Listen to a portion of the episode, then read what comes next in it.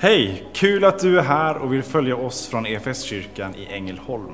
Du kommer nu att få se eller höra en predikan från en av våra gudstjänster. Har du några frågor eller vill veta mer om oss som kyrka så kan du alltid gå in på www.efskyrkan.info. Vill du ha tillgång till mer undervisning eller ta del av våra inspelade konferenser eller gudstjänster gå gärna in på vår play-kanal efskyrkan.tv. Nu ska vi lyssna på denna veckas predikan. Eh, idag så är det som sagt en rubrik över den här söndagen som påminner oss om det som Rebecka sa innan om efterföljelse. Och när jag eh, hör det ordet och, och reflekterar över efterföljelse så kan jag inte låta bli att plocka upp en av mina absolut favoritfilmer på filmens stora långa lista av goda filmer. Det är en film som har några år på nacken men den är väl värd att se igen tycker jag. Det är ju tycke och smak naturligtvis. Men det är Tom Hanks gamla porträtt av en fantastisk personlighet som heter Forrest Gump. Har ni sett denna film? Har ni inte sett den så återigen rekommenderar den. Där är i alla fall eh, en helt underbar sekvens som för mig talar väldigt mycket om efterföljelse. Det är när den här personen, Forrest Gump, har varit med om en ganska traumatisk eh, brytpunkt i livet. Han har mist sin älskade mor och han, han sitter på verandan på sitt hus i, i Alabama i USA och reflekterar och tänker. Och så plötsligt så säger han för sig själv att jag börjar känna för att springa. Så han springer upp längs uppfartsvägen på, och sen så när han kom till uppfartsvägens slut så tänkte jag men jag fortsätter att springa så han springer in i stan. Och när han har kommit in i stan så ja, jag fortsatte att springa och sprang igenom hela delstaten. Och plötsligt så, så fortsätter han och så springer han hela vägen fram till en ocean. Och när jag kom till oceanen så vände jag mig om och fortsatte springa. Tills jag kom till en annan ocean. Och plötsligt hade han passerat genom hela USA. Och han fortsätter att springa och det börjar uppmärksammas i, i den här filmen. Eh, så att folk hemma i hans hemstad börjar få se tv-reportage om, om den här Forrest Gump som har korsat USA ett par gånger. Han springer och springer. Och plötsligt så börjar folk liksom slå följe med honom och, och börjar fråga varför springer du? Och så är det tv-reportrar som försöker hålla tempo med honom. Gör du det här för djurens sak? Springer du för världsfreden? Är det för en... Och så är det massa förslag. Så. Nej, jag känner för att springa. Också lite längre fram i det här och det verkar som att de försöker ge sken av att han har startat den här väldigt populära rörelsen som är populär i våra tider, att man ska ut och jogga. Eh, hela joggingkulturen. Men i alla fall så vid ett tillfälle så är det en ung man som kommer fram. Åh, det är ju du! Vad härligt! Du har fattat grejen. Och så börjar han följa Forrest Gump. Och så sluter det till fler och fler folk och plötsligt så springer han inte ensam på vägarna och längs liksom genom landet utan plötsligt är det en skara som följer honom. Och plötsligt så stannar han på vägen. Och hela skaran som springer bakom, oh, tyst, han ska säga någonting. Och så står de där förväntansfulla han har då sprungit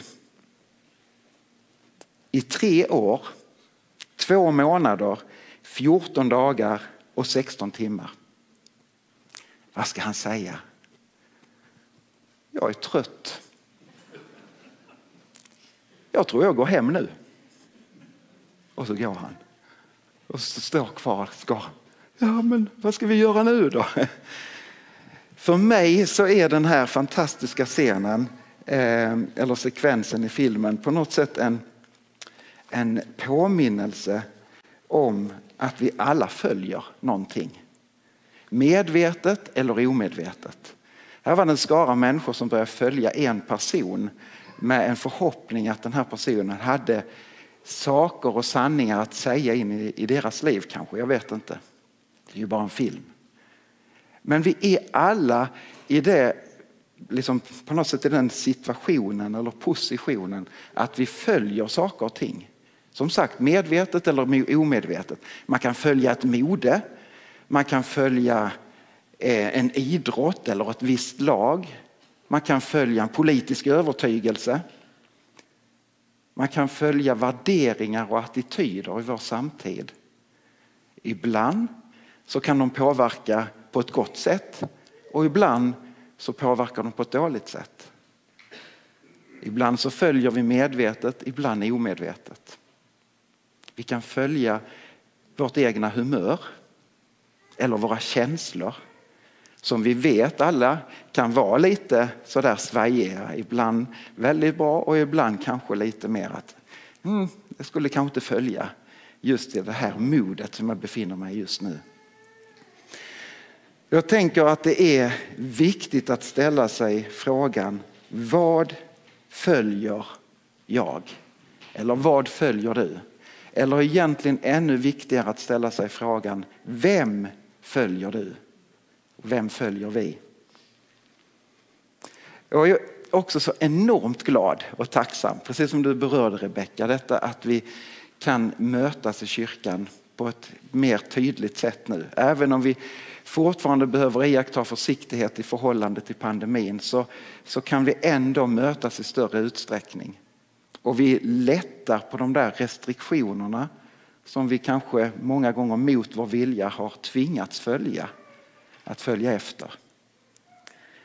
Eh, det påverkar familjer, det påverkar många situationer att vi kan mötas igen på ett lite tydligare sätt. Och ett sådant ställe som också har fått vara med och uppleva den här förändringen som jag tänkte jag skulle vilja återberätta för er. Det är Bibelns värld ute i Staby som också har fått under senvåren och tidigt på sommaren fått börja ta emot grupper igen. Inte så stora grupper men dock flera små. Eh, och jag har fått vara med några tillfällen och, och vara med och guida och inte minst dramatisera. Det är ju roligt att få dramatisera, det är spännande. Eh, Kalle han kan ju intyga det, han var där vid ett tillfälle och såg mig springa omkring i, ja, jag skulle föreställa någon, det återkommer jag till. Men i alla fall, jag är så enormt tacksam för att vi under 10-11 dagar fick ta emot 350 besökare, i huvudsak unga konfirmander och deras ledare. Där, eh, där de fick uppleva någonting av Bibelns hälsning och att där är någon att följa. Bertil Rubin, en kär vän, kollega och tillika också min gamla konfirmationslärare. Han föreläste vid ett par tillfällen när jag var med ute och han med sin, en, jag tänkte han har en otroligt bastant röst alltså. Eftersträvansvärt. Ja, sa han. Och så höll han upp två stycken viktiga böcker och sa Jag har här en kalanka pocket och en bibel. Och sa han, där är en skillnad mellan de här böckerna. Den här boken är en uppdiktad historia av påhittade figurer. Tänk er ändå det är ankor som springer där lite halvklädda och kan prata med varandra. Och det är Knatte och Fnatte och Chatte och de har liksom, de står i någon slags släktled. Men att släktforska utifrån det här är ganska lönlöst. För det är bara på. Och så sa han att man kan inte åka till Ankeborg och besöka liksom, och se och det som alla, tror jag, som har läst Kalanka hade önskat att få uppleva. Att komma till farbror Joakims valv. Att få stiga in där och stå på trampolinen och dyka ner i guldpengarna och liksom simma. Det går inte. För det finns inte och har aldrig funnits. Och så säger han med sin myndiga röst, men den här boken är historiskt förankrad. Den handlar om människor som har levt och trampat den här jorden. Det handlar också om Gud som har en tanke för den här skapelsen. Vi kan besöka platserna och vi kan liksom hänga upp den i förhållande till. Vi kan också göra släkttavlor och det gör ju också evangelisterna när de inleder sina evangelium.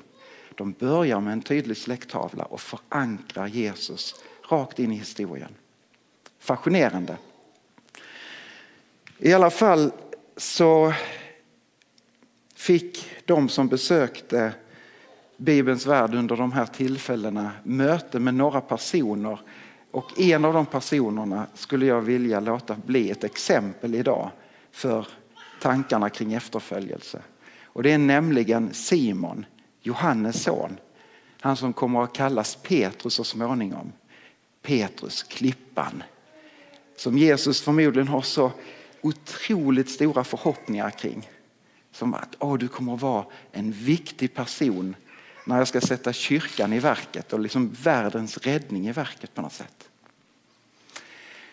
Så Petrus dyker upp under den här, de här tillfällena vid fyra olika så säga, nedslag enligt Bibelns berättelse. Och jag fick förmånen att några gånger försöka gestalta det här. Och någonstans läsa sig in i och försöka känna sig in i vad Petrus får uppleva. Första tillfället är när han kallas, när han befinner sig vid Genesarets sjö. Och sen så fick de ett möte vid Kajafas innergård. Och sen så fick de ett snabbt möte vid graven och sen tillbaka igen till stranden där allting började. Det första mötet, där sitter Petrus lite mulucken och irriterad vid båtens reling, vid kanten där och pillar i näten. Försöker rensa bort skräpet som man har dragit upp under natten för de har inte fått en enda fisk. Och han som skulle liksom gå till marknaden och få lite inkomst men ingenting var där i näten. Så plötsligt i den här situationen så kommer det en man gående med massa folk som följer honom. Och så stannar den här personen till vid båten och börjar fråga Petrus vem, vem han är och så vidare. Och varför han är irriterad. Jo, men jag har fiskat hela natten. I den här berättelsen, återberättandet, så stiger Jesus i båten. Och Andreas, Petrus bror, har ju redan börjat följa den här Jesus. Det har han gjort ända sedan Jesus döptes strax innan. Och så får Petrus ro ut en liten bit från stranden så att Jesus från båten kan tala till folket som liksom börjar liksom tränga sig på. Och så talar han och kanske det är så att Petrus han sitter där och lyssnar och blir lite tagen. Wow, det du pratar om Andreas, det, det, här, det, här, det här är ju vettigt. Det här är ju fullt av liv i det han säger. Och så plötsligt vänder sig den här Jesus mot Petrus och säger, du vet, eh, ro ut på djupt vatten och kasta ut näten där. Petrus han bara, vad tänker du på? De här kastnäten, man fiskar inte på djupt vatten med de här. Det är liksom way off. Jag har fiskat hela mitt liv, jag vet. Det, men visst, bara för du säger det så ror han ut. Ja, ska vi kasta in näten? Är det här? Mm, ja, visst. Och han kastar in näten. Och så, ska vi dra upp den nu direkt eller? Ja, visst, det kan vi göra. Och så drar han. Och så det där han bara lätt skulle hova in fastnar. För det är proppfullt av fisk. Och han står där och kämpar. Men kom och hjälp till! Och han får ropa på de andra i båtarna runt omkring. Kom och hjälp till! Och de drar upp en fiskfångst som får nästan båtarna att digna. Och Petrus förstår att den mannen är inte vem som helst. Och han reagerar på det här sättet. Så nu läser jag väl rätt.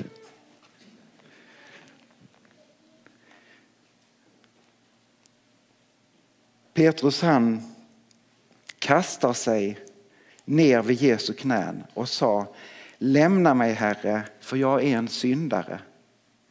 Ty han och de som var med honom greps av bävan när de såg all fisken de hade fångat. Likaså Jakob och Johannes, Sebedeios söner, som hörde till samma fiskelag som Simon. Men Jesus sa till Simon, var inte rädd. Från denna stund ska du fånga människor.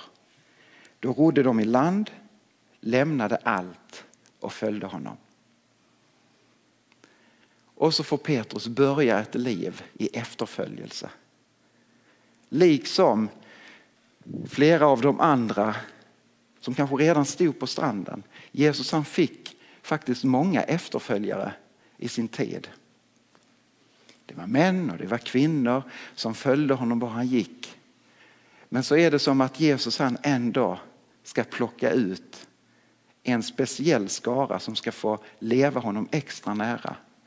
Som han ska få investera på något sätt sitt liv in i. För att de ska bli bärare av ett väldigt viktigt budskap. Han tar ut sin, eller på sig, inte startelva men starttolva. Jag vet också att det här kan vara ett känsligt område men jag, jag vill ändå säga att jag är i alla fall extremt glad också av en annan anledning att det nämligen är fotbolls-EM. Eh, nu slutar det ju, avslutas det ikväll med finalen men det är ju fortfarande en öppen historia. Men jag tycker det har varit enormt spännande att följa matcher, länder och lag. Och bakom detta så är det ju också ett gäng förbundskaptener som har tagit ut sina trupper. Den svenska truppen är uttagen och vår förbundskapten. Och hur tar man ut en trupp? Jo, man granskar av spelmarknaden och så utgår man från vad kan den här personen prestera. Man gör säkert olika tester och så säger man du platsar i truppen. Och sen väl på plats så ska man ta ut sin startelva. Tittar man på dagsformen och de har sina träningar och, och, den är lite snabbare än den och den har lite mer tekniska skills och så vidare och så vidare. Och så plockas det ut en startelva. Så verkar det inte vara i Guds rike, tack och lov. När Jesus han plockar ut sin starttolva så är det inte med de checklistorna. Utan han kallar vanliga människor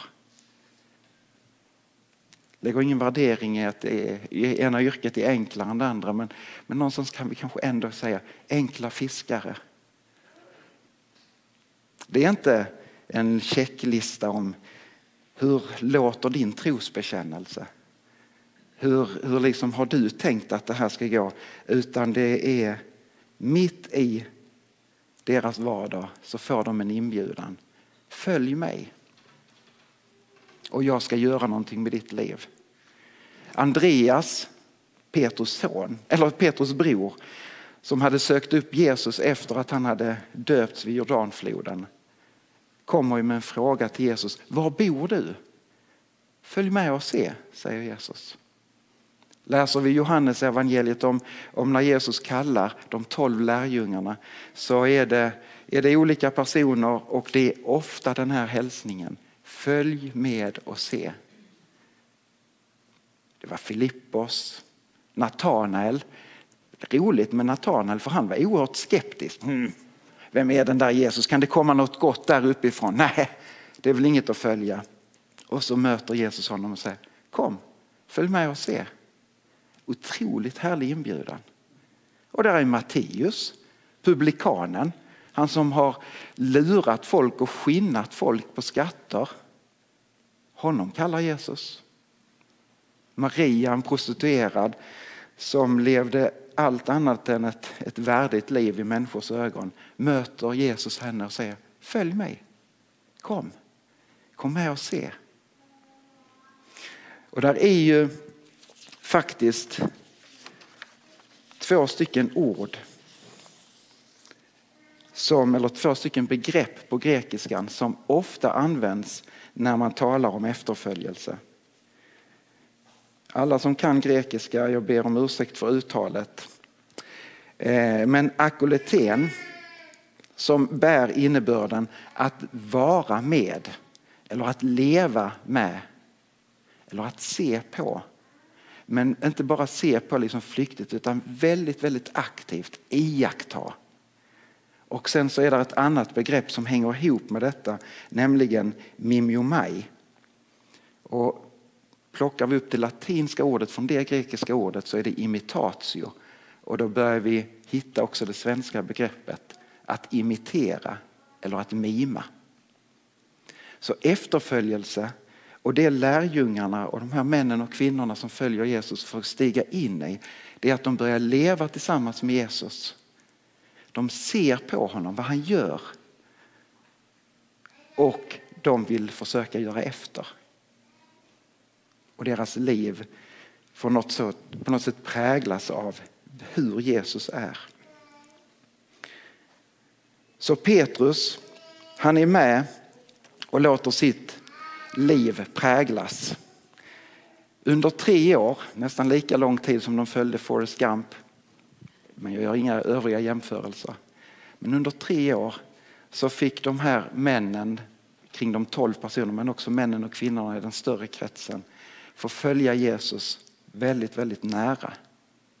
De får höra honom tala så att de liksom tappar hakan. Wow, han undervisar inte som vem som helst.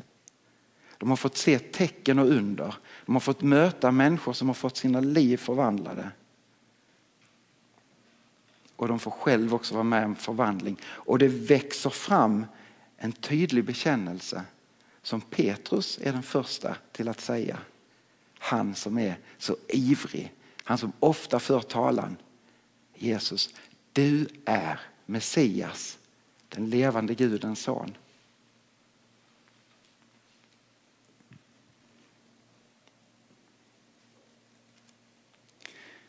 så kommer vi fram till det andra mötet på de som besökte Bibelns värld. Vid Kajafas innergård. Tre år senare efter det som han kallades första gången. Och där försökte jag någonstans leva mig in i vad, vad är det Petrus upplever där på innergården.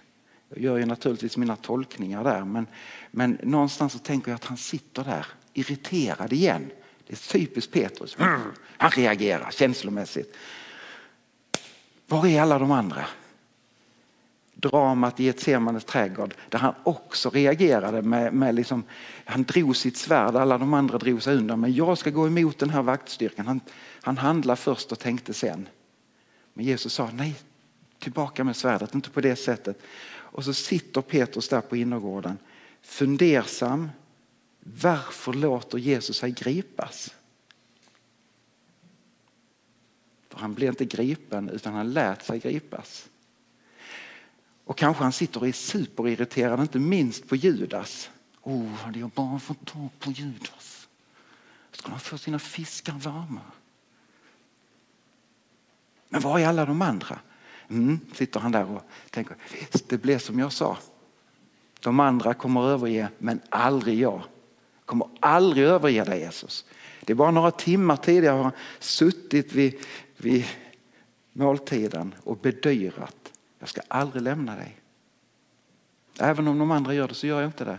Och han håller sitt ord. Följer honom genom stan upp till innergården och sitter där och ser in i salen där Kajafas står tillsammans med några andra skriftlärda och leder fram falska vittnen, en efter annan, som anklagar Jesus falskt. Och Petrus säger, varför? Varför svarar han inte för sig? Och så sker det ett skifte. För plötsligt reser sig Kajafas upp och river av sig sina kläder. Ett tecken på att de har en person framför sig som har hädat och sagt sig vara Gud. Då blir Petrus rädd. Nej, han kommer ju dömas till döden. Vad ska hända med mig? Och så i sin rädsla får han höra först en röst som säger du, hängde du inte ihop med Jesus? Nej, nej, nej, nej. Inte jag. Och så kommer ytterligare en röst. Jo, jag känner igen din dialekt. Du, du kommer där uppifrån. Du, jag har sett dig tillsammans. Nej, har inte med den mannen att göra Det kommer en tredje röst från ett annat håll, från elden där bak. Jo, men visst är det du. Och så bedyrar han, jag har ingenting med den mannen att göra. Och så får han höra tuppen gala. Och då minns han vad Jesus sa till honom. Petrus, Också du kommer att överge mig. Du kommer att förneka mig tre gånger innan tuppen gal. Och hans liv rasar ihop. Förtvivlad springer han ut. Rädd, ledsen och kommer att låsa in sig själv i en sal tillsammans med de andra lärjungarna. Hoppar vi till tredje möte. Ett snabbt möte utanför graven på påskdagens morgon. Där Petrus stiger ut ur graven och, och liksom är både glad, förvånad, förvirrad och bara, nej men, oh, alltså, det verkar som att det stämmer det kvinnorna sa. Att kroppen är inte här. Och så kommer de här andra grupperna ner från Golgata kors. Och, bara, och jag, liksom, jag, jag, vet, jag måste bara tillbaka till, till de andra och säga att, att han är inte här. Så springer han förbi. Ganska kort därefter så får de här grupperna stiga upp vid sjön igen. Och man får gestalta det fjärde mötet. Och då är det Petrus, inte irriterad. Bakgrunden är densamma som för tre år sedan. Han har varit ute och fiskat hela natten. Han har återvänt till sin trygghet, sin vardag. Vi ger oss tillbaka, vi börjar fiska, de vet inte riktigt vad de ska göra. De har ändå fått möta Jesus ett par gånger efter uppståndelsen. Men nu sitter Petrus där vid stranden och med ett stort leende och med en sån frid över sitt, sitt liv på något sätt. Och så återberättar han, vet ni vad som hände? Vi var ute och fiskade och så fick jag igen vara med om ett sånt här under. Vi fick dra upp fisk som aldrig förr. Och då kände vi igen, det är ju Jesus.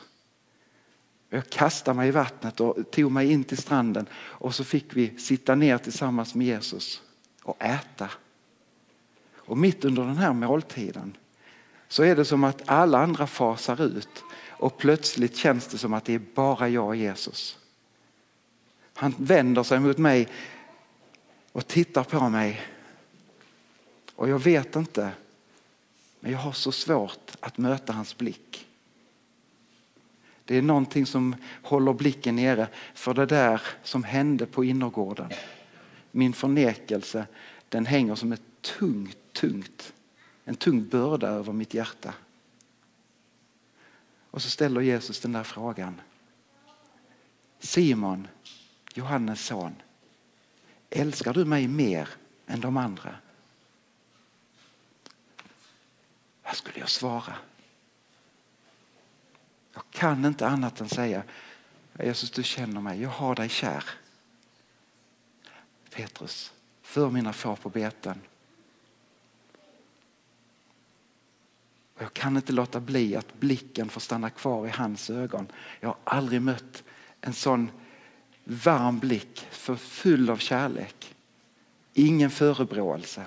Inte en enda gång har han sagt att Petrus ajabaja. Utan han bara står kvar och så kommer frågan igen. Nu blandar han inte in de andra utan han frågar mig. Jesus säger Petrus, eller Simon, Johannes son, älskar du mig?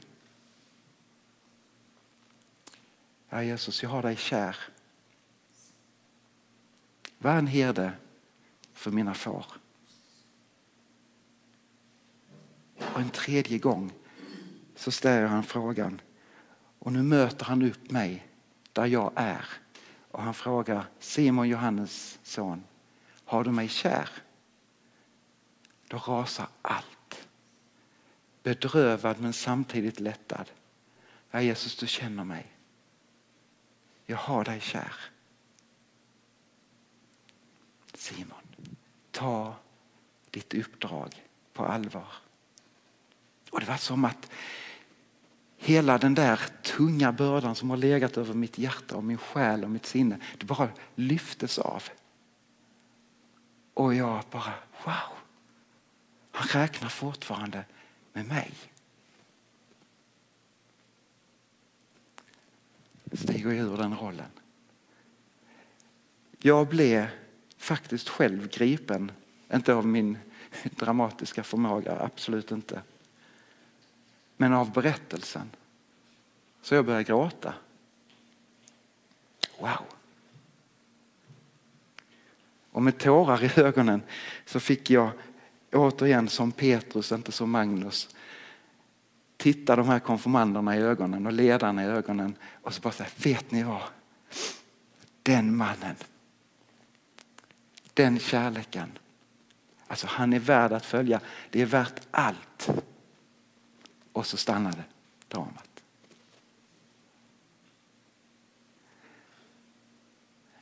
Det här kan få vara berättelser kring Petrus som kan vara en förebild i detta att vara en efterföljare.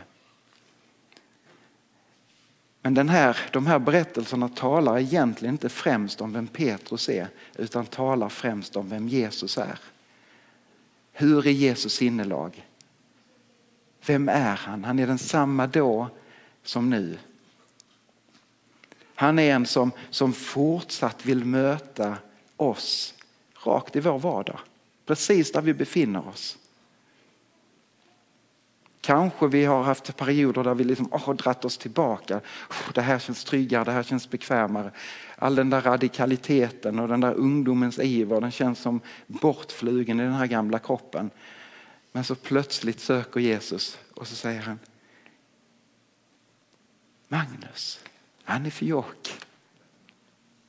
Eller vad du nu heter. Och han söker inte dig med en checklista utifrån dina fel och brister. Nu ska vi se, nu ska vi göra upp om detta först. Han söker inte med frågan, har du de rätta strategierna för kyrkan? Har du den rätta organisationsplanen? Har du liksom pff, framtidsvisionen på det sättet? Han frågar inte efter dina kvalifikationer eller din kunskapsnivå utan han frågar efter ditt hjärta. Och så säger han, det är det första och det sista jag frågar efter, ditt hjärta. För jag behöver dig i den här världen.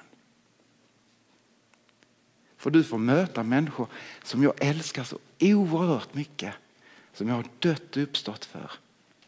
Snälla, vill du utifrån den kärleken som jag älskar dig med, som du får respondera tillbaka vill du vara mitt sändebud? Vill du vara min ambassadör? Kan jag få låna ditt liv på det sättet så att jag får prägla ditt hjärta efter mitt hjärta? Och låta min kärlek strömma genom ditt liv rakt till de människor som du får möta. I eftermiddag, imorgon och livet framöver.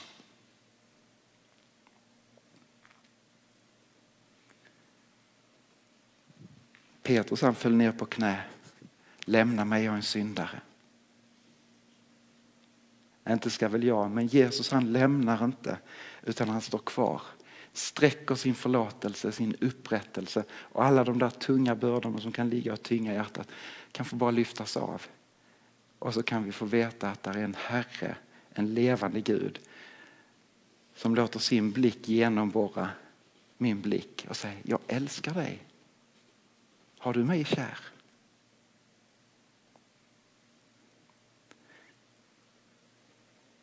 När vi ber tillsammans nu så ber vi en stund och så i slutet på bönen så får vi stämma in i den gemensamma syndabekännelsen och i det veta att vi får stå i ett möte med Herren där han står kvar och verkligen vill befria på djupet. Som kyrka är det en glädje att få spela en liten roll av allt Gud gör i och genom ditt liv. Vi vill gärna fortsätta följa dig på den resan. Och vill du ta reda på vad ditt nästa steg kan vara på din resa med Gud så gå in på efskyrkan.info nästa steg. Vår längtan är att få se människor och samhällen förvandlade av Jesus. Genom en kyrka som återspeglar Guds hjärta bär varandra och betjänar människor varhelst vi befinner oss varje dag.